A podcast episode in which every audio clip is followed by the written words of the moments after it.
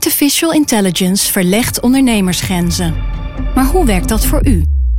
Als transformatiepartner helpt Capgemini u kansen te ontdekken en benutten, zodat we uw ideeën tot leven brengen. Vorm uw eigen mogelijkheden met generative AI. Ontdek meer op capgemini.nl/slash AI. Capgemini. Get the future you want. Wij zijn van de straat, van de buurt, van de wijk. Wij zijn van heel Nederland. Samen zorgen we voor vrolijkheid, verbinding, feest. Samen brengen we in één jaar tijd 349 miljoen euro bij elkaar. Miljoenen waarmee onze goede doelenpartners de wereld groener, gezonder en rechtvaardiger kunnen maken. Nationale Postcode Loterij. Samen voor een betere wereld.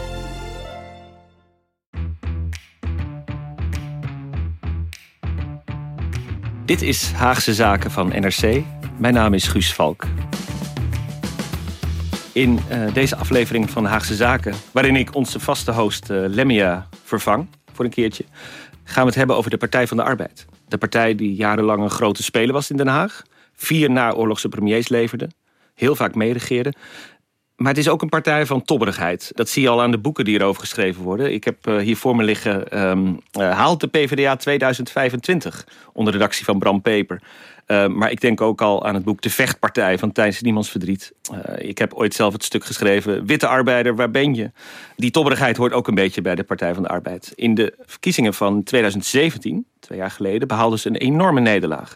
En het einde van de sociaaldemocratie werd overal voorspeld, ook internationaal. Maar de laatste tijd is er wat anders aan de hand. De partij lijkt een beetje op te krabbelen.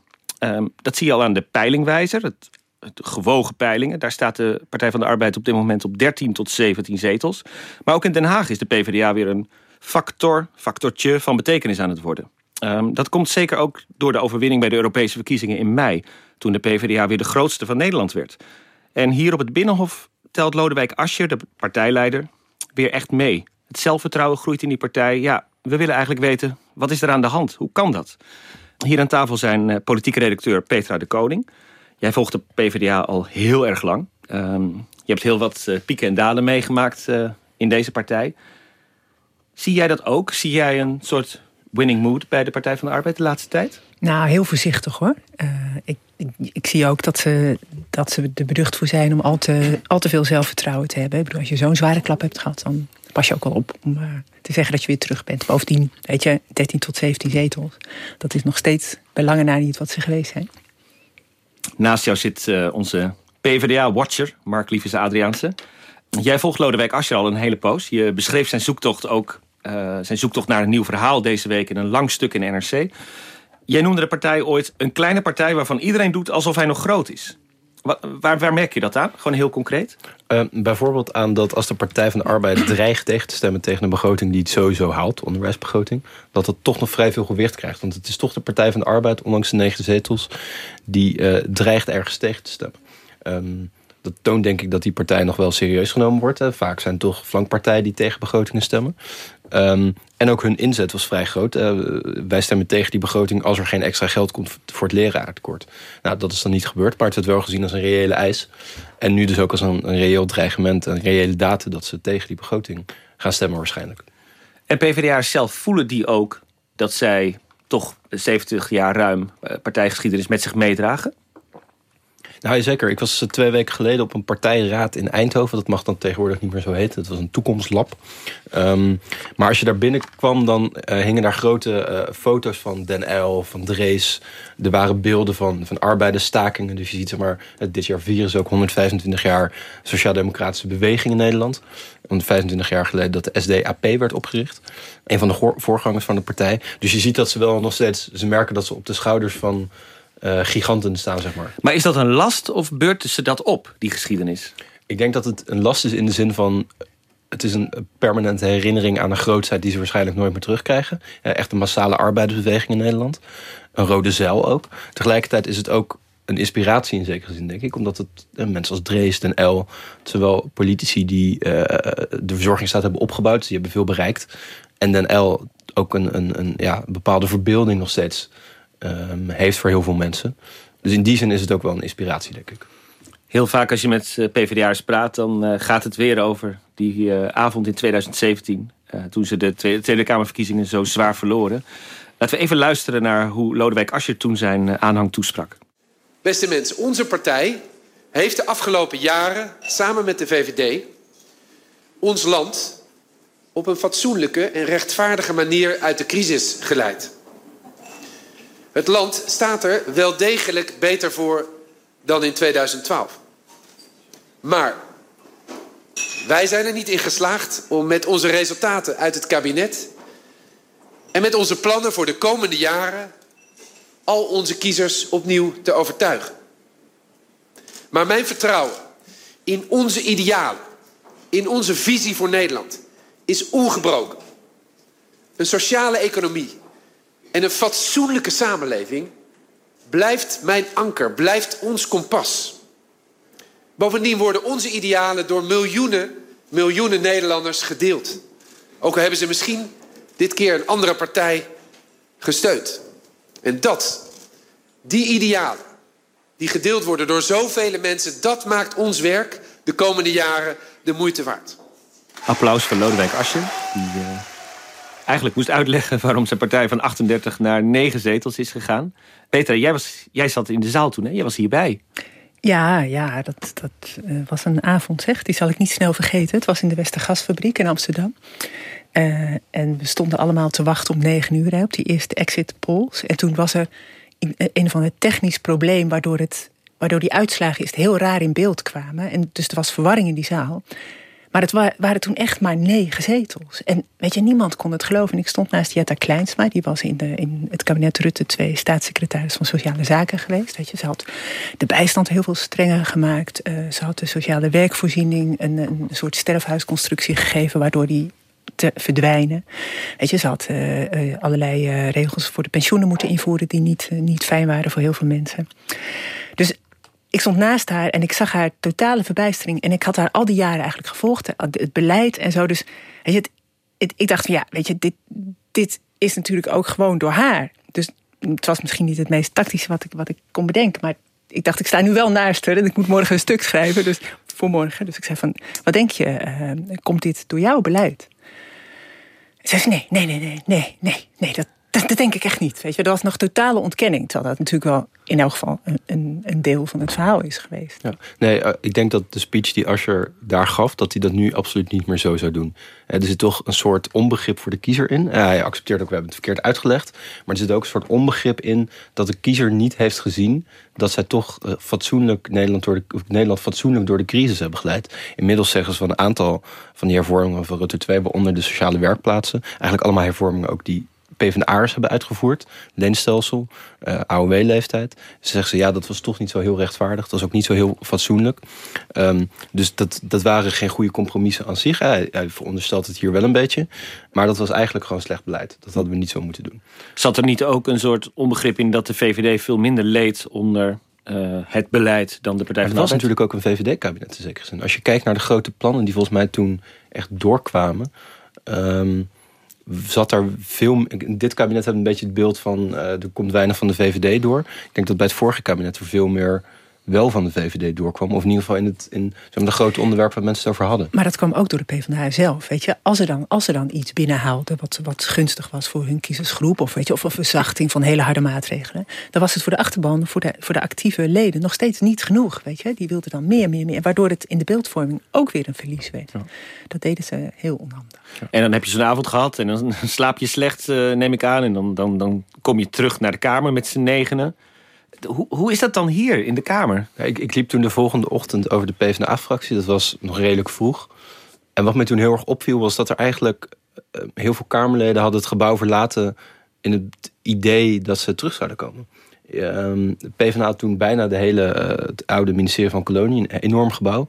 Hadden heel veel Kamerleden. Heel veel kamer... om uit te leggen, een oude vleugel Precies. in het Kamergebouw. Ja. ja. Um, ik geloof vier verdiepingen, die waren bijna allemaal van de PvdA. Um, en ik liep toen langs de Kamer van Ahmed Marcouch. Die stond volgens mij op plek 14 of 15. En alles was erachter gelaten alsof hij dacht... ach, we hebben nu die verkiezingen en dan na woensdag kom ik weer terug. Uh, maar hij kwam niet terug. Uh, Marit Volp, hetzelfde. Uh, dus er waren heel veel kantoren van Kamerleden... waar gewoon alles hetzelfde was geweest. Maar alles was veranderd en ze waren geen Kamerlid meer. Ja, het waren spookgangen geworden. Ja. Ja. Ja. Ehm, en zeker de eerste maanden, toen, toen het kabinet Rutte 2 nog demissionair was, zat Bloemen nog in het kabinet, Dijsselbloem nog in het kabinet, Dijksma, eh Ascher. Dus de facto hadden ze toen maar vier Kamerleden, waaronder twee nieuwe Kamerleden, eh, Van der Hul en eh, Gijs van Dijk. Eh, dus dat was ook een, een, een soort rompfractie van een toch al vrij marginale fractie. Ongelooflijk. Maar ja, ze zijn natuurlijk, het is niet zo gek dat ze er niet op hadden gerekend. Ze zijn nog nooit zo in de steek gelaten door de kiezer Nou, uiteindelijk. ja, of hebben zij de kiezer in de steek gelaten? Dat zou je ook kunnen zeggen. Maar ehm, nee, kijk, iedereen binnen de Partij van de Arbeid wist wel dat ze zouden gaan verliezen. Ik denk dat er niemand dacht dat, dat het mee zou vallen. Maar dat het zo erg zou zijn, ehm, dat, dat dat echt niet. Ik heb niemand gesproken die dacht, nou, onder de 10, dat is een reëel scenario. ze dachten allemaal 15, 16, dat moet nog wel kunnen. Maar volgens mij in de peilingen stonden ze wel gewoon al heel lang, heel laag. Maar ja, niemand dacht dat het ook dat zou worden. Dat weet het wel. Nee, nou, als je kijkt naar oudere peilingen, dan zie je dat de PvdA eigenlijk al voor de verkiezing van 2012 tussen de 15 en 25 zetels zat. Dat was toen eh, minder, omdat ze toen eh, ze hadden toen 30 zetels in de Kamer. Ehm, en toen in de laatste week van de campagne van 2012 gebeurde natu- natuurlijk iets heel raars. Dat SP ineens totaal in elkaar stortte. En de PvdA er elke dag iets bij kreeg. En je gewoon een soort. Ja, je zag gewoon dat de linkse kiezer van de SP naar de PvdA ging. Omdat ze dachten, oké, we willen geen Rutte, eh, maar wel een linkse iemand, dan maar Samson. Die een goed tv-debat had. Die had een soort momentum debatten. kreeg. Eh, Roemer had geen goede debatten. En die verloor zijn momentum. Eigenlijk vanaf het moment dat hij campagne ging voeren. En Samson kreeg al die mensen ineens bij. Waardoor de PvdA ook ineens dacht een partij te zijn die 38 zetels kon halen. Terwijl een heleboel van die kiezers... Toen die had PvdA gestemd, maar het was geen vaste achterban. Nou, die Mhm. zag je ook heel snel na de vorming van het kabinet de partij ook weer verlaten. Nu werd Lodewijk Asscher eh, lijsttrekker in eh, 2016, gekozen door de leden. Ehm, Petra, jij schreef toen in een, eh, in een stuk een profiel eh, over Asscher. Eh, wie hem echt goed kent zegt dat Asscher altijd met van alles rekening houdt... maar niet met verliezen. Dat hij nu meedoet aan de lijsttrekkersverkiezing in zijn partij... zou betekenen dat Asscher zelf denkt dat hij zal winnen. Waarom is hij er dan eigenlijk ooit ingestapt... terwijl hij wist dat dit eraan zat te komen? Nou, ik denk dat Asscher heel lang heeft gedacht dat het, dat het onder zijn leiding wel goed zou komen. Weet je, hij, hij dacht dat hij met een verhaal zou kunnen komen dat, eh, dat kiezers toch eh, bij zijn partij zouden houden. Dat hij, hij dat beter kon dan Samson. En hij had ook eigenlijk altijd tot dat moment overal succes gehad. Weet je wel. Hij was een, eh, een eh, succesvolle wethouder in Amsterdam. Hij was eh, vicepremier geworden, minister. En, lijsttrekker in Amsterdam. Lijsttrekker in Amsterdam. Ja, weet je, het was een soort eh, wonderboy van de PvdA. En, eh, weet je, en hij had ook mensen om zich heen die dat beeld van hemzelf alleen maar bevestigden. Dus, Het beeld van Lodewijk Asscher Ja. kan dit wel. Ja, en die is, die is zo goed en die is zo slim. En eh, ja, dat, dat hing om hem heen. Ja. Het is nu binnen de Partij van de Arbeid wordt het echt gezien als een enorm trauma, die, die lijst, het lijsttrekkerstrijd. Eh, er is ook niemand die dat nu weer wil overdoen. Omdat ze allemaal zeggen, dat het heeft de partij zo verdeeld. Dus ze hadden een soort van idee dat, dat zo'n lijsttrekkersstrijd goed zou zijn. Want je hebt aandacht voor de partij, voor de discussie binnen een partij. Je laat zien, hè, we hebben serieuze mensen, we hebben goede kandidaten. Ehm, nou, dat liep iets anders, want het was, was natuurlijk echt een, een bloedbad.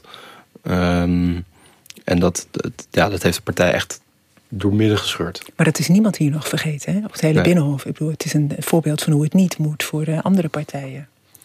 Petra, kun je daar wat meer over vertellen? Wat was er zo traumatisch aan? Nou, het, het, het werden hele lelijke debatten. Het was echt eh, het was een naar om naar te kijken bijna, weet je. Ehm, Want voor de duidelijkheid, eh Nou. Diederik Samsom, ja, dat was de partijleider, de fractievoorzitter van de PvdA. eh Lodewijk Asscher was de vicepremier, weet je, de steunpilaar van Rutte 2. Ze hadden dit samen gedaan. Diederik Samsom had de onderhandelingen gedaan met Rutte over dit kabinet. Maar hij had al die tijd Asscher gewoon op de hoogte gehouden. En nu stonden ze daar op het podium en ging het over de volgende lijsttrekkers, eh, het lijsttrekkerschap. En dan zei eh, Asscher gewoon eh, doodleuk tegen Diederik Samsom. Ja, jij hebt toen in die onderhandelingen zitten kwartetten met onze waarden. Weet je, ik heb daarna nog van alles moeten rechtzetten wat jij had weggegeven. Nou, dat, daar was Diederik Samsom niet op voorbereid. Die vond het een stomp in zijn maag. En je zag ook de verbijstering op het podium. Van, hij zei op een gegeven moment ook echt... Lodewijk, wat doe je nu? En dat vonden ze dan in het kamp van als je weer, weer, overdreven. Van hè, nu, nu ga je, kruip jij in de slachtofferrol en dan, wordt het, dan maak jij er een broedermoord van. En eh, nou, dat was, dat was echt niet mooi hoor.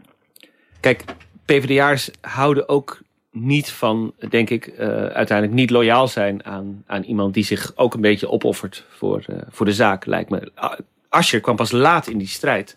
Dat werd door veel mensen, denk ik, ook ervaren als een mes in de rug van eh, Samson. Uh, ja, en Asscher had ook al die jaren gezegd dat hij het niet wilde gaan doen. Hè? Uh, maar tegelijk had Samson gezegd van... Uh, ja, ik wil dat het lijsttrekker verkiezing wordt en dan moet je meedoen. Weet je, op de achtergrond had hij steeds gezegd, kom erbij, kom erbij. Tot het moment dat het heel dichtbij was. En toen vond Samson het toch niet meer zo'n heel goed idee. Toen was het te laat. Toen ging Asscher gewoon, die deed de stap naar voren en, en ging, er, eraan meedoen. Wat die strijd natuurlijk ook bepaalde was dat... Um, Asscher wilde heel graag het verschil laten zien. Hè? Want, want, waarom doe je anders die zo'n rondje langs de debatzalen als je allebei uh, PvdA bent uit hetzelfde kabinet? Dus die, die dacht, ja, ik moet me afzetten, want anders dan worden het saaie avondjes. Nou ja, dat werden het niet.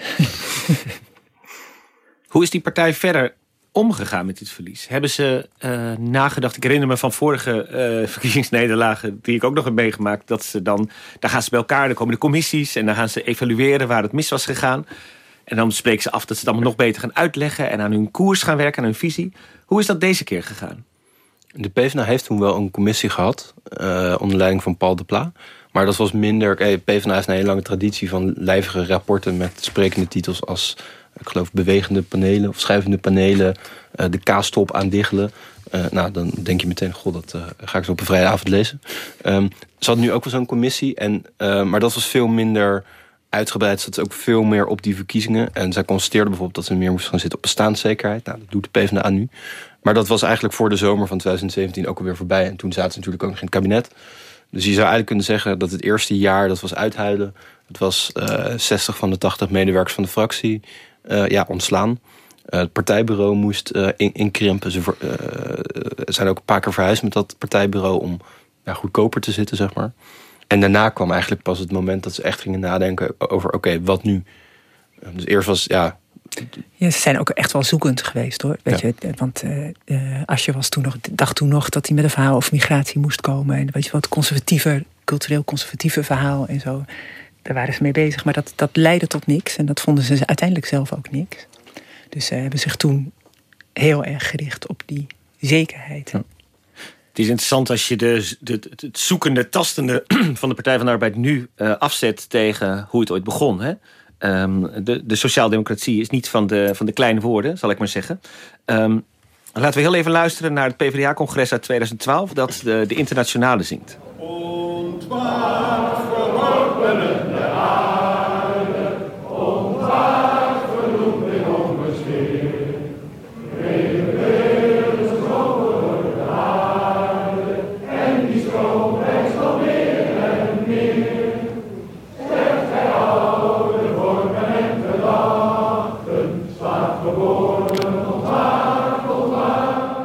De, de mensen kennen de tekst nog. Um, er wordt gezongen de internationale, hè, het, uh, eigenlijk de hymne van uh, de internationale solidariteit en van het socialisme. Ooit het volkslied van de Sovjet-Unie geweest, overigens in tekst van Henriette Roland Holst.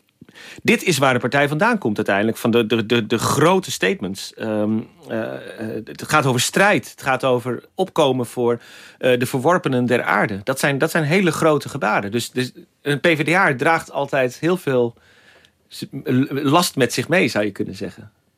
Toch? Dit is een. Het is een... Nee, zeker. Ja, het, kijk, de sociaaldemocratie is natuurlijk een, een, een, wereldhistorische beweging die alles anders wilde dan iets minder snel dan, dan socialisten en communisten. Maar een beweging die ook gewoon, uh, ja, uh, in de afgelopen 150 jaar of 170 jaar sinds het Communistisch Manifest uitkwam, enorm invloedrijk is geweest in de samenleving die wij nu hebben. De arbeidersbeweging heeft ervoor gezorgd dat wij nu in het weekend vrij zijn. Dat wij mogen stemmen. Uh, dat er uitkeringen zijn, dat, dat het onderwijs gedemocratiseerd is. Dus dat is ook een, een beweging geweest die de, maatschap, de maatschappij fundamenteel wilde veranderen en daar een beetje in geslaagd is. Hè? Want zeg maar, machtsverhoudingen in de samenleving zijn er niet zozeer door veranderd. Maar dat zou dan op langere termijn wel komen, is dan de sociaal-democratische opvatting. Maar in die traditie staat de PvdA. En het vecht altijd om bestuurlijkheid. Hè? In de inborst van de PvdA vecht bestuurlijkheid met, met snelheid. En niet zozeer revolutie, maar wel een, een, snelle evolutie. En ja, dat, dat is ook een beetje de last van de PvdA. Dat is natuurlijk ook altijd wel willen besturen. Um, maar toch ook wel een maatschappijverandering willen. Ja, wat, natuurlijk, wat, wat de PvdA anders maakt dan, um, ik noem eens wat 50 plus... is dat zij niet voor één doelgroepje opkomen, maar dat het een, een brede beweging is van verschillende klassen, verschillende groepen uit de samenleving, die op een gegeven moment elkaar vonden in de gezamenlijke verheffingsgedachte, zal ik maar zeggen. Dus dat iedereen een eerlijke kans verdient. En ehm, dat betekende ook dat je liberale christenen bij de PvdA zag, dat je uh, notabelen, onderwijzers, dat soort mensen bij de PvdA zag die misschien voor zichzelf er veel uit konden halen, maar wel vonden dat andere mensen ook die rechten verdienden. de, de, de SDAP, een van de voorgangers van de PvdA, werd ook wel de schoolmeesters, doktoren, advocatenpartij genoemd. Um, om aan te geven dat het ook, ook een partij was die uh, ja, juist ook een, een, bepaalde maatschappelijke bovenlaag aantrok, die zich het lot van de arbeidersklasse aantrok. Um, en die daar uh, ja, die wilde dat, dat die klasse verheven werd. En zich daarvoor inzetten. Ja, nou culmineerde dat hele verheffingssocialisme misschien in um, het premierschap van Joop den Uyl in 1973. Een heel belangrijk moment, jij noemde hem net al heel eventjes, um, Mark, um, voor de Partij van de Arbeid ook. En misschien ook wel voor Nederland. maar toen werd voor het eerst misschien het uh, verheffingssocialisme ook manifest in regeringsbeleid. Hè? Even luisteren naar den Uyl. Het kabinet, meneer de voorzitter, wil zich in zijn beleid laten leiden door het streven naar opheffing van ongelijkheid en achterstelling. Het is ervan overtuigd dat de bestrijding van inflatie en van de welhaast permanente drang naar overbesteding alleen dan kans van slagen heeft als ze wordt ingebed in het ruimere kader van het terugdringen van bestaande ongelijkheid in inkomen, bezit, macht en kennis. Die spreiding van kennis, macht en inkomen, hè, waar Den Uyl uh, voor stond. Zien jullie dat terug in de Partij van de Arbeid zoals die nu is? Is dat nog steeds iets wat PvdA'ers uh, inspireert? Inspireert zeker, maar of ze het ook in daden omzetten, betwijfel ik. Um, ik denk dat, de P, dat, dat je de PvdA uh, van nu... Um, die is zeker nog geïnspireerd door, door dit soort boodschappen, maar echt een fundamentele maatschappijverandering of een fundamentele verandering van eigendomsverhoudingen, wat ook Den Uyl wel, uh, uh, waar Den Uyl het ook wel over heeft, ja, daar hoor je de PvdA minder over. Het gaat meer over um, het moet uh, wat beter worden voor mensen en gewoon een goede baan, een goed huis, goede zorg. Um, geen al te grote problemen dan over de opheffing van klassenverschillen of zo. Daar hoor je de PvdA echt al jaren niet over. Ze spreken ook al een hele tijd niet meer al die verschillende groepen aan die jij net noemde. Mm -hmm. Toch? Dat is, ja, hoe lang is dat al voorbij? Sinds, ik denk, uh, Kok. Uh, het zit er overigens nog wel een beetje in hoor. Zeg maar, het idee dat de PvdA een volkspartij is. Ik vind dat oh ja, als je het verlangen daarna is er zeker. Ja. Nee, maar ook op ledenraden bijvoorbeeld of congressen valt me toch op dat PvdA qua actieve leden... Um, meer maatschappijgroepen aan zich weet te binden dan andere partijen. Ik was een paar weken geleden in, in Eindhoven bij de Toekomstlab. En daar was een discussie over, um, over werk.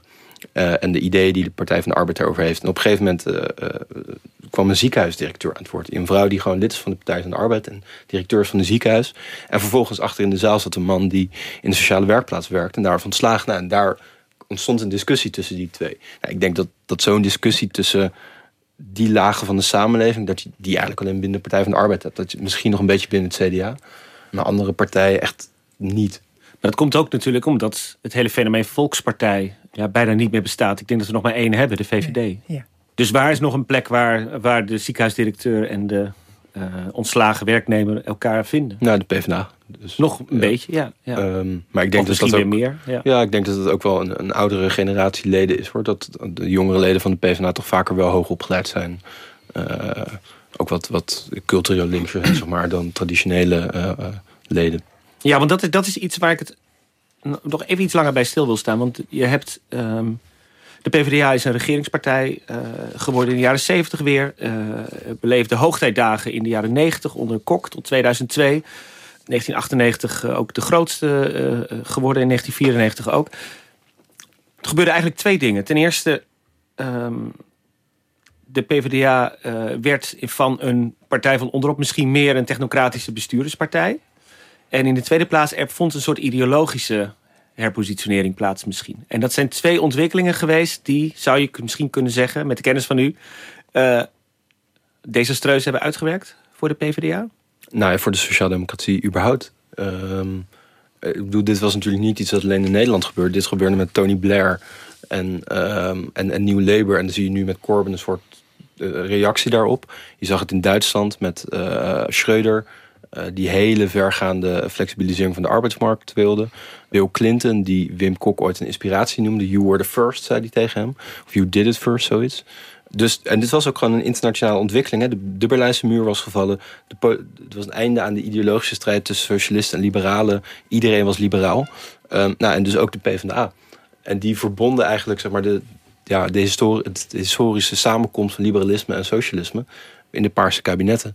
En dat heeft toen gewerkt in de zin van hè, dat was economische groei, het ging beter met Nederland. Maar tegelijkertijd heeft dat er ook ervoor gezorgd dat bijvoorbeeld met de WHO-crisis begin jaren 90, waarbij Wim Kok als minister van Financiën de WHO uh, ja, beperkte. Um, ja, dat waren wel de mensen die traditioneel op PvdA stemden, die daarbij geraakt werden. En ze hadden ja. allemaal prima redenen om dat te doen. Ze konden het allemaal uitleggen. Ze vonden het ook allemaal noodzakelijk. Maar het raakte wel hun, uh, hun achterban. Interessant is dat ze destijds verkochten als een succesverhaal. Van we hebben die ideologie niet meer nodig, want in feite hebben we bereikt wat we wilden. De mensen zijn uh, verheven tot, tot, tot grote materiële welvaart. Um, uh, dus ja, we kunnen onze ideologische veren afschudden... om Wim Kok nog maar eens te citeren uit zijn fameuze reden. Um, maar dat neoliberale gedachtegoed, dat, had, dat was niet alleen een paars dingetje. Dat was, jij zegt terecht, internationaal. Maar het, ging ook verder in de PvdA, toch uiteindelijk? Wouter Bos, die na Kok kwam, um, omarmde dat toch ook? Ja, het kleefde heel erg aan hem, ja. En het, het, hij kreeg dat heel erg ook, ook opgeplakt door zijn omgeving. Hè? Door het CDA vooral, die hem, die hem leeg en een, een draaikont noemde. En wij werkten toen allebei op de politieke redactie, volgens mij, in de tijd van Wouter Bos. Zeker. Uh, en die, hij, stond, hij heeft best wat successen gehaald. Maar uiteindelijk toen hij het helemaal moest gaan maken in 2006 lukte het niet. Hè? Lukte het net niet.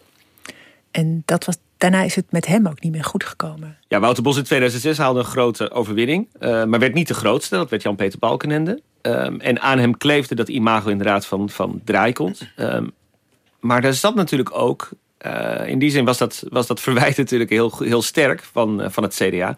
Er zat natuurlijk ook een uh, zekere zin een, een, een, een, iemand achter die heel erg zoekende was. Ja. Dat zag je aan, aan hè, de Wouter-tapes, de beroemde documentaire... waarin Wouter Bos ja, gevolgd wordt terwijl hij bezig is deze campagne te voeren van 2006. En hij is op zoek naar ideologie. Hij is op zoek naar waarom doe ik dit eigenlijk.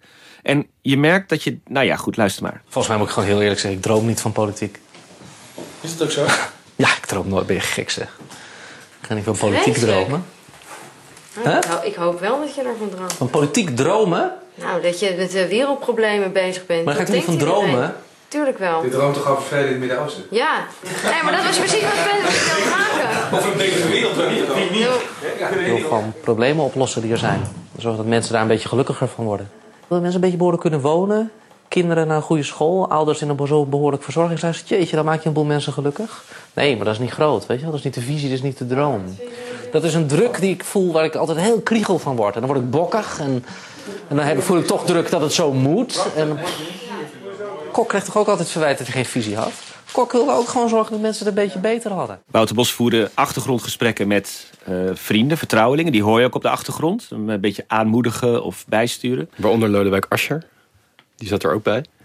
Ongelooflijk eigenlijk. En, en je hoort een zoekende Wouter Bos. Maar is dat niet ook gewoon logisch? Omdat de Partij van de Arbeid op dat moment... Ja, niet meer, niet meer terug kon vallen op een verhaal. Ja, nee, dat, maar sowieso was het een soort ongemakkelijke tijd voor de PvdA onder Wouter Bos. Ik, ik heb hem toen ook wel gevolgd, ook in die campagne in 2006. En het was, het was veel, veel ongemak. Hij ging langs de deuren, maar je merkte dat hij niet zoals Samson contact kreeg met die mensen. Hij wilde eigenlijk helemaal niet aanbellen om ze te storen. En, uh, en dan zijn bloemen te geven, zijn uh, rozen.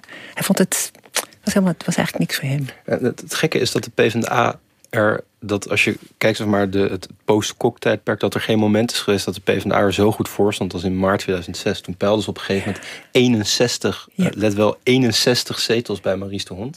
Ik geloof ja. dat er toen een soort absolute meerderheid was samen met de SP. Ze hadden een hele goede gemeenteraadsverkiezing. Heel goed. En het was onvermijdelijk dat Wouter Bos premier ging worden. Nou, dat liep anders. Maar hij had dus ook wel een bepaalde aantrekkingskracht blijkbaar op kiezen. Wat, wat dat had hij zeker. dat dan? Ja, dat had hij zeker. Ja, hij deed het gewoon heel goed op televisie, volgens mij, in die eerste periode. En, eh, maar de- er ontbrak ook iets. En dat, dat voelden kiezers dus kennelijk ook. Hè?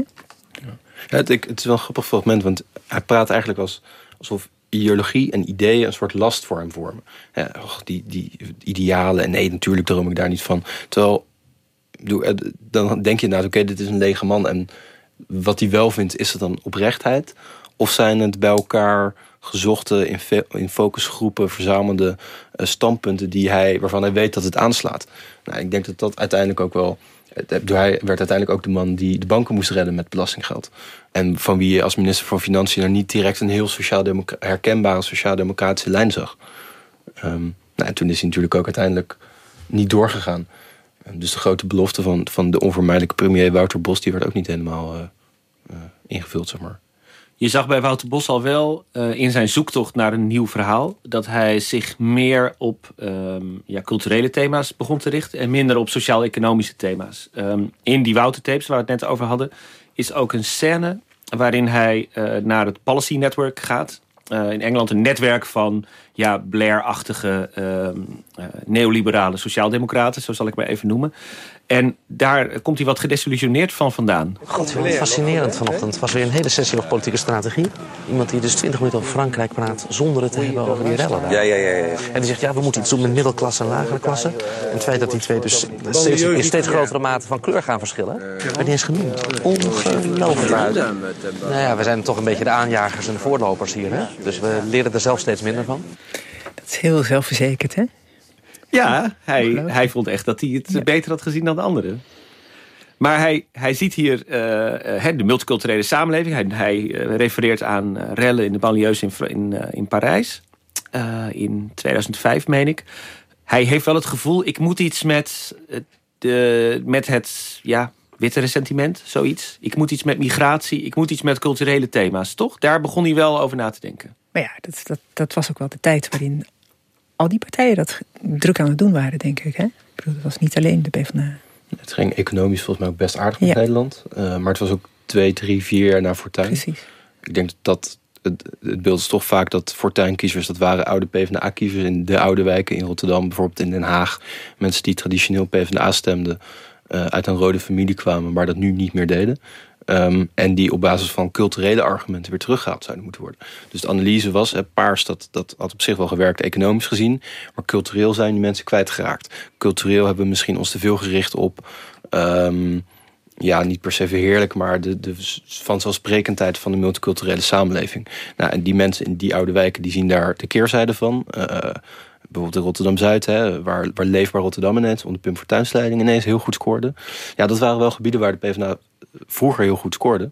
Maar de analyse was vervolgens, die partijen winnen op culturele thema's. of winnen ze onze kiezers, zeg maar. Ehm, niet omdat wij economisch niet meer voor die mensen staan. Dus als we die mensen terug willen halen, dan zullen we ook eigenlijk ja, een soort LPF light moeten worden. Ehm, en het ook over restrictie van migratie moeten hebben, over eh, de plicht om te integreren. Ehm, en daar zit denk ik ook de verbazing van Wouter Bos in. Dat, dat dat in andere landen blijkbaar minder speelde dan hoe hij daarmee bezig was. Maar dat was ook toen bij de PvdA nog allemaal heel voorzichtig hoor. Dat domineerde niet hun, eh, hun ideeënvorming. Is het ook omdat, neem ik aan, in, in, in wijken met een grote, mi- grote migrantengemeenschappen ook heel veel PvdA'ers woonden. Met een migrantenachtergrond. Ja, ja, daar hebben wij toen ook best veel over geschreven nog. Hè? Hoe, hoe belangrijk die groepen waren voor de Partij van de Arbeid. Maar in hoeverre... ehm, en er kleeft natuurlijk heel vaak... Zeker in die tijd kleeft het beeld aan de PvdA als een partij... die heel erg inderdaad vooral opkwam voor die minderheden. In hoeverre hadden zij die mensen gebonden... omdat, zij, omdat het vaak eh, arbeiders waren die naar Europa waren gekomen... en die dus zeg maar uit economische redenen... eh, misschien logischer bij de sociaaldemocratie terechtkwamen... Of had het echt te maken dat zij toch die mensen cultureel ook aan zich wilden binden? Hoe, hoe zagen jullie dat? Weet jij dat nog, Guus? Hebt Ehm, dat vind ik lastig. Ik weet, eh, ik woonde zelf toen in Rotterdam in 2002, toen de, de PvdA, de almachtige partij in Rotterdam, ehm, zeker ook in Rotterdam Zuid, ehm, op de op punt stond van een enorme verkiezingsnederlaag, omdat Leefbaar Rotterdam opkwam. En ik weet nog heel goed dat Els Kuiper, de lijsttrekker toen lokaal van de PvdA, vooral met een eh, ja, met, met, een, met, met een cultureel verhaal kwam, zal ik maar zeggen. Maar dan vooral een bangmaakverhaal over dit, dit staat ons te wachten, mensen. De, de, de, de fortuinisten komen eraan. Dus verzamel je dan maar achter ons. Uh, ik denk dat ze die groepen al lang waren kwijtgeraakt. In de jaren daarvoor. En, uh, en dat is ook wel, wel interessant op zich, omdat die, die discussie over voor wie zijn we en, en welk verhaal vertellen we. Um, ik zat het boek te lezen, Haalt de PvdA 2025. Daar staat een betoog in van uh, politicoloog Marijn Oudenamse. En die uh, schrijft, en dat vind ik wel interessant in dit kader, um, dat het, het, dat de oude sociaal-economische conflict in Nederland eigenlijk is opgeheven. En dat daarvoor in de plaats een soort cultureel conflict is gekomen. Gefabriceerd door politieke partijen. En in dat oude model kon de Partij van de Arbeid zich afzetten tegen allerlei partijen. Dat nieuwe model zit ze heel ongemakkelijk. Want ze hebben niet echt een duidelijk verhaal daarover. En hij betoogt van dat heeft twee dingen veroorzaakt. Ten eerste de opkomst van rechtspopulisme, PVV bijvoorbeeld. En de neergang van de Partij van de Arbeid. Die ook dus ja, min of meer onvermijdelijk is. Ik vind het uh, uh, een vrij uh, sombere analyse. Maar misschien heeft hij een punt. Wat denk jij, Mark? Um, ja, ik, ik, denk dat dat op zich wel klopt. Dat je, waar we het ook net over hadden, dat in de jaren negentig die politieke of die ideologische strijd tussen socialisten en liberalen um, werd opgeheven. In ieder geval gevoelsmatig. Um, je kunt altijd twisten of er niet tegelijkertijd nog daadwerkelijk een klassenstrijd gaande is. En dat conflict alleen verbloemd is geraakt. Of dat we het er minder over hebben, maar dat het uiteindelijk nog wel uh, belangrijk is. Um, maar daardoor zie je inderdaad wel dat ook in de perceptie het, politieke discours ging meer over cultuur. Um, 2012 dat is wat dat betreft interessant, omdat dat juist verkiezingen waren die wel over de economie gingen. Dus die gingen over bezuinigingen en over uh, wie de zwaarste lasten moeten, uh, moeten dragen. Nou, en dan zag je dat PvdA, dat PvdA-verhaal dat ging over de zwaarste, of de, de zwaarste schouders moesten de zwaarste lasten. Zoiets. Sterkste schouders. Ster, sterkste schouders. Um, dat dat wel weer aansloeg. Dus op het moment dat, dat uh, verkiezing of discours of de discussie meer gaat over dit soort economische onderwerpen. En dan toch uh, economische tegenstellingen die er ontegenzeggelijk zijn, uh, weer centraal komen te staan, dat de PvdA daar dan toch weer op in kan op het moment dat het inderdaad gaat over cultuur, zoals tussen 2002 en ja, 2010 eigenlijk, dat ze het dan toch wel erg moeilijk hebben. Petra, jij volgde Lodewijk Asscher ook veel in die tijd. Toen was hij vicepremier en minister van Sociale Zaken. Ook hij begon toen over migratie te praten, toch? Als onderwerp. Hij kwam met zijn participatieverklaring bijvoorbeeld. Merkte je dat hij al doorkreeg dat hij op die lijn verder wilde? Ja, ja dat, dat merkte je wel. Um, en hij was van plan. Weet je, de PvdA wilde al heel lang, weet je, die, die oude witte bezorgde kiezers weer terug hebben. Uh, dus dat, dat, dat had hij volgens mij ook in zijn hoofd, dat hij dat wilde. Dus hij, hij wilde strenger worden en meer eisen stellen aan de nieuwkomers. Ja, zeker. Maar goed, uh, hij heeft misschien ook wel uh, de afsplitsing van denk veroorzaakt hè, in, die, in die tijd. Ik wou zeggen, was, dat, was, dat, de prijs, dat was dat de prijs van, ja. uh, van deze nieuwe politiek? Nee, zeker. Omdat je, omdat je PvdA was er wel heel sterk in om um, spraakmakende kopstukken of figuren uit migrantengemeenschappen aan de partij te binden. En ook via hen te proberen die migrantengroepen uh, voor zich te laten stemmen. Nou, dat, dat lukte. Maar daardoor kwamen er ook mensen binnen die uh, ja, wat conservatiever waren zeg maar, dan de PvdA zelf was.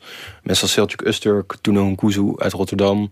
die uh, een, een, vrij conservatieve achterban hadden. Die, die ook wel gevoelsmatig nog sterk verbonden zijn met, met landen als Turkije. die daar ook zich mengen in het politieke debat. En die dan in Nederland wel op PvdA stemden. Maar die mensen raakten inderdaad kwaad... omdat Asscher die kwam met, ik geloof, een, een uiteindelijk niet kloppend onderzoek... waaruit zou blijken dat, ik geloof Turks-Nederlandse jongeren uh, veel conservatiever waren of helemaal geen, geen, geen band voelden met Nederland. Nou, en daar hebben toen Usturk en Kuzu wel een, conflict van gemaakt en op de spits gedreven. En die zijn toen uit de partij gestapt. Um, Denk je dat die breuk blijvend is? Die breuk tussen, uh, ik zal maar zeggen, de, de, de, um, ja, de, de, de, de denkaanhangers die nu mee zijn gegaan naar. Uh, en dat zijn natuurlijk niet heel veel mensen uiteindelijk. Omdat, um, kijk, migrantengroepen stemmen niet als migrantengroepen die stemmen als uh, mensen in die groepen stemmen als individuen uh, vaak. En volgens mij zie je juist nu de laatste jaren dat, uh, dat, dat die groepen zich politiek emanciperen. En dat, even, dat ze even goed bij de VVD als de PvdA of de SP of whatever terecht kunnen komen. en dat het dus niet zo statisch meer is dat je de Turks-Nederlandse stem hebt of de Surinaamse stem. En dat is ook die strategie eh, minder goed zou werken. Omdat dat soort groepen gewoon niet meer zo sterk georganiseerd en zo statisch zijn als, als in de jaren 80 en 90.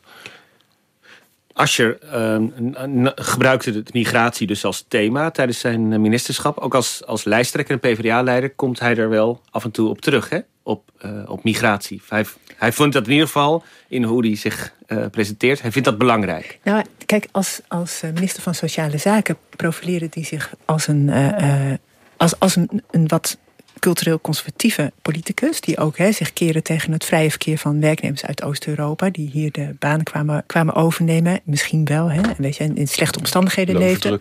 Precies. Dus hij kwam op ook voor die werknemers die dan werden uitgebuit, maar zeker ook voor die uh, vrachtwagenchauffeurs die dan hun, hun uh, werk kwijtraakten. Dus weet je, hij zette zich op die manier neer. En dat probeerde hij ook nog in toen die partijleider in de oppositie was. Om daarmee door te gaan. Maar dat, dat sloeg niet aan. Daar is hij toen vrij snel mee opgehouden. Hij heeft nog wel een keer een bijeenkomst georganiseerd. Ja, ik, ik was in september vorig jaar in een uh, buurtheater in Amsterdam-West. Dat was een, een discussieavond georganiseerd door de PvdA daar. Over migratie. En daarin kondigde Asscher toen aan. Hij was toen net bij de Denen geweest. Die in bepaalde kringen furoren maakte met een vrij restrictief migratiebeleid. Uh, een sociaal-democratische partij. Um, en dat vond hij wel inspirerend. Hij had het gevoel, daar moeten wij iets mee. En misschien als wij daar een beetje in meegaan, kunnen we ook weer stemmen winnen. En hij vindt ook gewoon dat de PvdA uh, het zich niet kan veroorloven om geen standpunten te hebben op migratie. Ze hebben die ook, alleen hij wil ze iets aanscherpen. Nou, ik kondigde toen op dat avondje een, een, discussietour aan, eigenlijk binnen de partij. Er zou binnen de partij op avondjes over gesproken gaan worden. Hij zou met een essay komen. Uh, nou, dat essay dat is er nooit gekomen en de avondjes ook niet. Um, en eigenlijk binnen een paar maanden had hij het er helemaal niet meer over. Die avonden, uh, ook binnen de partij kwam een soort reactie van mensen die zeiden... ja, moeten wij dit nu wel doen? Is het wel verstandig? Wat voor mensen waren dat? Mensen van... Ook wel Kamerleden hoor, okay. maar ook uh, actieve, uh, actieve PvdA'ers. Ook omdat de fractie had eigenlijk vlak daarvoor besloten... dat ze zich op drie grote thema's zouden gaan richten. Werkgelegenheid, onderwijs en uh, volkshuisvesting. Of woningbouw. Um, en ook zorg vinden ze belangrijk. En toen, een week, twee weken na het fractieweekend... kwam Asscher ineens met zijn migratie aankondigingen. Nou, dus daar is ook wel... Hij is toen ook een beetje teruggetrokken, zeg maar. Maar daar blijkt ook wel die worsteling rondom dit thema. Want sinds september 2018 heb ik hem er niet meer over gehoord. Nee, nu, nu richten ze zich voluit op, op zekerheid. Hè? Op die thema's die jij net noemde. Uh, onderwijs, op de arbeidsmarkt. Weet je, wat willen mensen? Mensen willen graag zekerheid. Eigenlijk hoor je ze daar alleen maar over. Ja, en dat is ook wel waar Paul de zich in 2017 in zijn rapport... na de verkiezingsnederlaag uh, op richtte. En hij schreef toen dat de PvdA de spreekbuis kan worden... voor de, de maatschappelijke beweging... die de bestaanszekerheid in de huidige samenleving wil versterken. Nou, en Asscher heeft daar naar geluisterd. En er kwam dan ook een marketeer langs... die dat een hele mooie zeker zijn campagne uh, goot. En dat is waar ze zich nu ook gewoon aan, aan committeren. En dat is ook waarmee ze richting de verkiezingen gaan. Dat, dat gaat over strategie. En je had het net over de, hoe, hoe Asscher wisselt in toon ook en in onderwerpkeuze. Um, wordt hij gedreven, Petra, denk je, door innerlijke overtuigingen? Ja, dat denk ik zeker. Dus ik denk ook dat die beperking die ze zichzelf nu hebben opgelegd... met alleen maar zekerheid en op, op die thema's... ik vind dat niet zomaar passen bij Asscher. Wat vind jij, Mark? Ik heb het idee dat hij wel een grote verhaal wil stellen. Um, ja, maar tegelijkertijd denk ik dat hij ook wel een vrij praktische sociaaldemocraat is. In de zin van, het moet een beetje beter worden voor de mensen en we moeten problemen oplossen.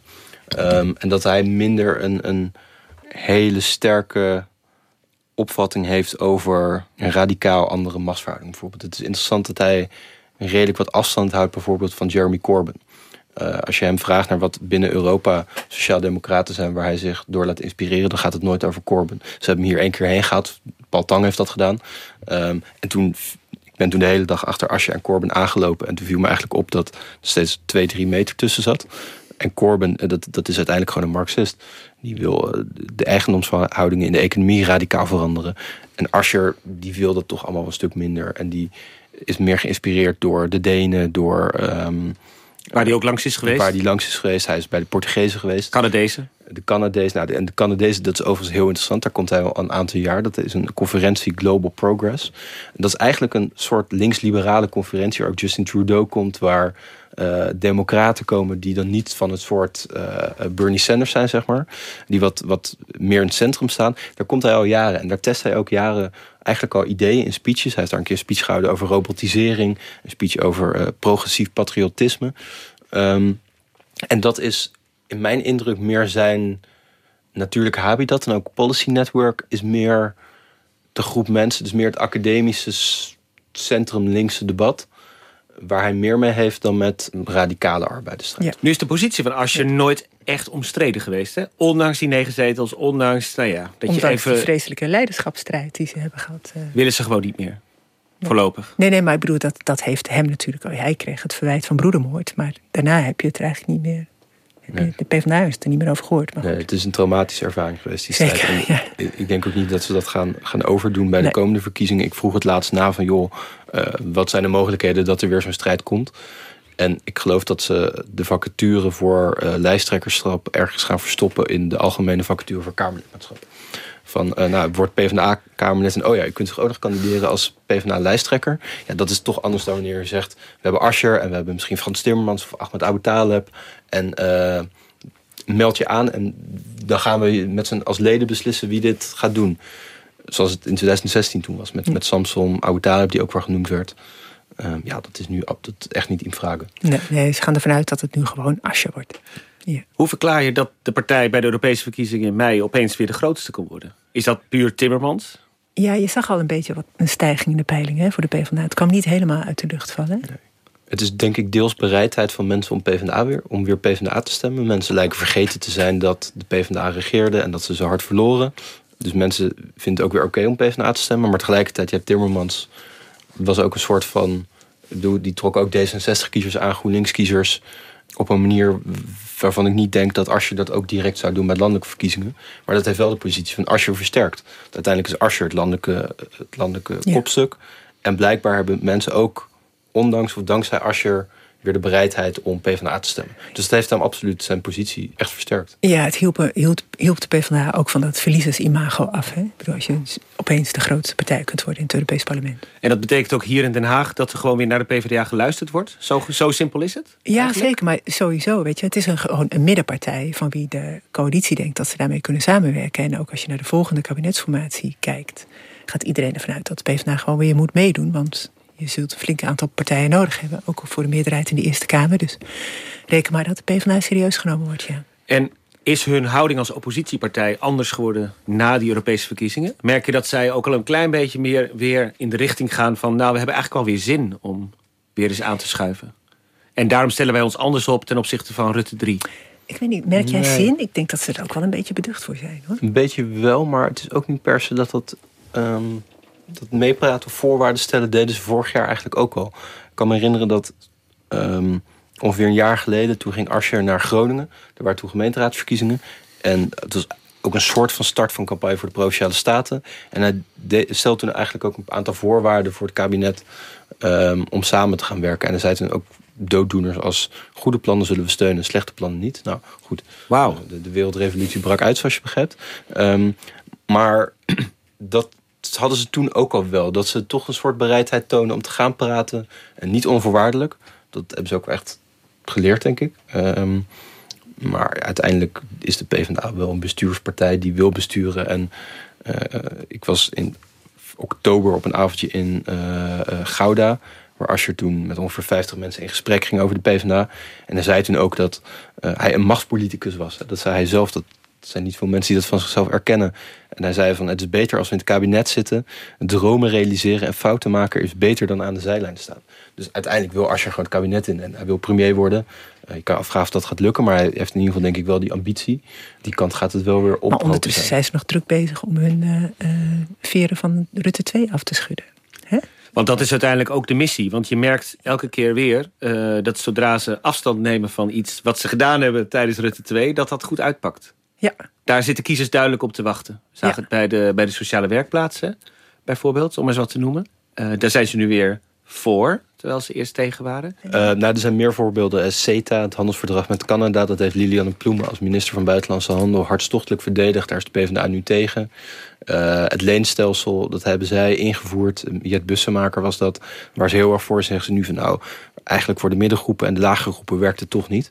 AOW-leeftijd te snel gestegen. En de grap is inderdaad, je kunt het gewoon draaien noemen. Je kunt zeggen het zijn draaikonten. Uh, uh, typische politici doen iets, komen erop terug. Maar tegelijkertijd zie je dus dat kiezers het ze niet verwijten. Het, het wordt eerder in dank afgenomen. Uh, van, oh kijk, wij hadden al door dat het kabinet Rutte 2 voor de PvdA slecht was. En nu de PvdA gelukkig ook. Eindelijk zelfinzicht, ja. ja. Nee, kiezers hebben een kort geheugen, denk ik. Toch? Dat blijkt toch ook uit onderzoek? Ja, ja dat is zo. Ja, ja en nou ja, kijk, het is wat anders als je nog, nog steeds verdedigt uh, wat je destijds tot stand hebt gebracht. Um, ik denk dat kiezers wel doorhebben dat de Partij van de Arbeid breekt met, met een toch ja, duistere episode uit hun eigen bestaan, denk ik. Ja, maar ja, misschien gaan ze dan uh, over uh, anderhalf jaar weer meeregeren. Met de VVD. Want ja, goed. Dat lijkt me Als er toch uiteindelijk een beroep op je wordt gedaan, dan kan je me moeilijk weigeren natuurlijk. Nou is Lodewijk Asscher zelf ook iemand die moet straks die, die wil door als lijsttrekker, neem ik aan, toch Mark? Ja, dat lijkt me wel. Die moet op zoek naar een, een, een verhaal, maar ook naar een imago. Merk je dat als je daaraan werkt? Ja, zeker. Je hebt de Asher met een pak aan en je hebt de Asher uh, in vrije tijdskleding. En ik let daar een beetje op van wanneer hij het een aan heeft en wanneer het ander. En wanneer hij een das draagt, bijvoorbeeld. Ik heb soms het idee dat hij bij grote debatten een das draagt om ook wat, wat statiger over te komen. Uh, maar soms ook bij ledendagen, dan komt hij ineens wel in een trui en een uh, spijkerbroek met sneakers aan. Uh, ik heb het idee dat hij wat af wil van het imago dat hij alleen kan besturen. En dat is wel het imago waarmee hij naar Den Haag kwam, omdat hij ook alleen had bestuurd. En nu zit hij in de oppositie. Dus dat is een heel andere rol. En ik heb het idee dat hij wel iets losser probeert te worden. Um, ook wat verwijzingen soms heeft naar populaire cultuur of naar voetbal. En wil laten zien dat hij niet alleen de gepromoveerde jurist is, maar ook ja, een, een, normale vader die zijn, zijn kinderen op zaterdag uh, langs het voetbalveld ziet. Tekenend voor Lodewijk, als je die op zoek is naar een nieuw, misschien losse imago, is dit fragment uh, met Rutger Kastrikum in de auto, waarin hij uh, laat zien dat hij ook van jongere cultuur verstand heeft. Bij mij komt nu ook heel veel muziek binnen via de jongens. Oh ja. Ik weet een paar jaar geleden opeens hoorde ik in bad drank en drugs. Ja, ja, ja. Oké. Okay. Vissa is lid. Hoe? Die Vissa is lid. Ken je niet? Nee. Moet je maar eens even opzoeken. Oh, dus boef. Lid, lid, lid. Daarboven, daar ga ik. Die, lid. L-L-I-D, die Vissa is lid. Kom op bitch, dikke akka, veel grip. Als je lift, word je hier dismissed. Laat me je zeggen hoe het zit. L-I-D, die Vissa is lid. Vrolijk of niet? Ja, toch? Je zingt het gewoon mee. Ja. Nou, het, het, het, gekke met dit fragment is, het gaat dan over lid. Hè, dat is jongerentaal voor... Vertel het maar, Mark. Jij bent de jongste aan tafel. voor, ja, het is een hippe jongerentaal. um, maar het, en je schrijft dat LIT en ze hebben vervolgens... De PvdA heeft dit fragment heel erg gepusht op social media... met dan word lid met een T. En ook een website gemaakt, pvda.nl slash word lid met een T. Uh, maar dat kwam helemaal niet aan. Want heel veel mensen zeiden toen lid met een T, het is met een D. Uh, kunnen jullie geen Nederlands of zo? Um, dus ja, dat, dat sloeg een beetje dood. Nee, hier had ja. ik ook even over na moeten denken. Maar dit, dit losse is ook, dit komt ook heel erg bedacht over. Dat ja, was toch, in zijn ja. campagne om, voor het lijsttrekkerschap ook hoor. Weet je, hij was dan wel. Hij gebruikte dan zijn kinderen en het voetbalteam van zijn kinderen om zijn verhaal te vertellen. En dat leek dan heel persoonlijk. Maar weet je, als je hem vroeg waar ga je naartoe uh, op vakantie deze zomer, dan kreeg je dat natuurlijk niet te horen, want dat was allemaal uh, privé. Weet je, maar ik was... denk wel dat het een beetje veranderd is. Als je zijn boek leest opstaan in het Lloyd Hotel, vertelt hij ook heel persoonlijk over de Joodse achtergrond van zijn familie en hoe die de Tweede Wereldoorlog heeft overleefd. Um, en daarin laat hij wel veel meer zien van zichzelf, heb ik het idee, dan hij eerder deed. Hij laat toch zien dat er een soort. Uh, nou, dat, dat er persoonlijke ervaringen zijn die hem. Uh, die ook zijn afstandelijkheid misschien wat meer verklaren. Oh ja, zeker. Um, dat en dat heeft hij nooit eerder op die manier gedaan. Nee. Waarom ja. nu wel? Ik denk, ik heb hem dat ook wel gevraagd, gewoon waarin dat boek hem hielp. En hij zei toen dat het hem wel hielp om zijn gedachten aan te scherpen. Zowel over zijn ideologie als waar wil ik als politicus heen. Um, en ik denk dat hij toen ja, hierbij is gekomen omdat dit voor hem gewoon een belangrijke persoonlijke achtergrond is. Persoonlijke geschiedenis die uh, ook een deel van zijn karakter verklaart. Uh, of, kan, of mensen begrip kan laten tonen voor zijn karakter. Dus ik denk dat dat dat dat erg meespeelt. Dat hij gewoon is nagegaan van ja, waar wil ik heen met de partij, als met sociaaldemocratie, met mezelf. Ehm, en dat dit toen ook kwam bovendrijven. Denk je dat als je nog aan zijn inhoudelijke verhaal moet schaven... Voordat, eh, voordat hij weer de grootste zou kunnen worden in 2021... bij de volgende Kamerverkiezingen? Of denk je dat het er eigenlijk al is? Ehm, er zijn best wat mensen binnen de partij die vinden dat hij dat echt nog wel moet aanscherpen. Dat op zich het fundament van zekerheid dat staat. En het zijn allemaal hele logische dingen. Een betaalbare baan, een goed huis, uh, et cetera. Maar dat hij ook wel echt fundamentelere keuzes zal moeten maken. Bijvoorbeeld over begrotingsbeleid. Uh, inderdaad wel over migratie, over Europa. Duurzaamheid, een onderwerp waar de PvdA uh, veel minder over hoort dan andere partijen. Dus ik denk dat hij daarin echt nog wel ja, best wat stappen te zetten heeft... om met een veelomvattende maatschappijvisie te komen. Zeg Zijn ze daarmee bezig bij de PvdA? Want alle partijen die, die zijn daar druk mee bezig. Ja, zeker. De, PvdA heeft dus uh, het befaamde Toekomstlab. Oh ja. uh, ze hebben een soort traject waarin ze op grote thema's nagaan van waar staan wij eigenlijk voor. En dan komen dan een soort ja, standpunten wel uit. Zie jij een richting, een kant die ze opgaan? Nee, het, is, het zit nu ook heel erg nog in het... Uh, wij zijn voor goed werk. Nou, dat lijkt me complimenteus. Maar het, het zit nog heel erg in... in redelijk abstracte zin. En vervolgens moet de komende maanden uh, moet daar een verkiezingsprogramma uit gaan komen. Uh, dus het zit nog heel erg in het zoeken. En zijn, ze willen er wel echt ja, een soort van idealen waar ze de komende 10, 20 jaar mee vooruit kunnen. En daar zou Asje dan vervolgens ook op, ja, op aan moeten slaan. Dank jullie wel. Mark Lievese, Adriaanse en uh, Petra de Koning. Dit was Haagse Zaken. Deze aflevering werd geproduceerd door uh, Iris Verhulstonk. Volgende week is er weer een aflevering van Haagse Zaken. Dan weer zoals vanouds met Lemia Harouai. Mijn naam is Guus Valk. Heel veel dank voor het luisteren.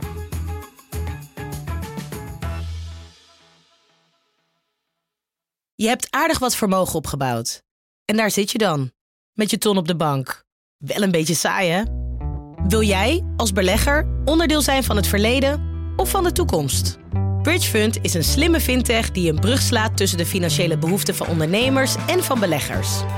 Dus wie belegt bij Bridgefund krijgt niet alleen een mooie vaste rente, maar brengt ook ondernemers in beweging. Echt waar, met die ton kan je zoveel betere dingen doen. Bridgefund. Make money smile.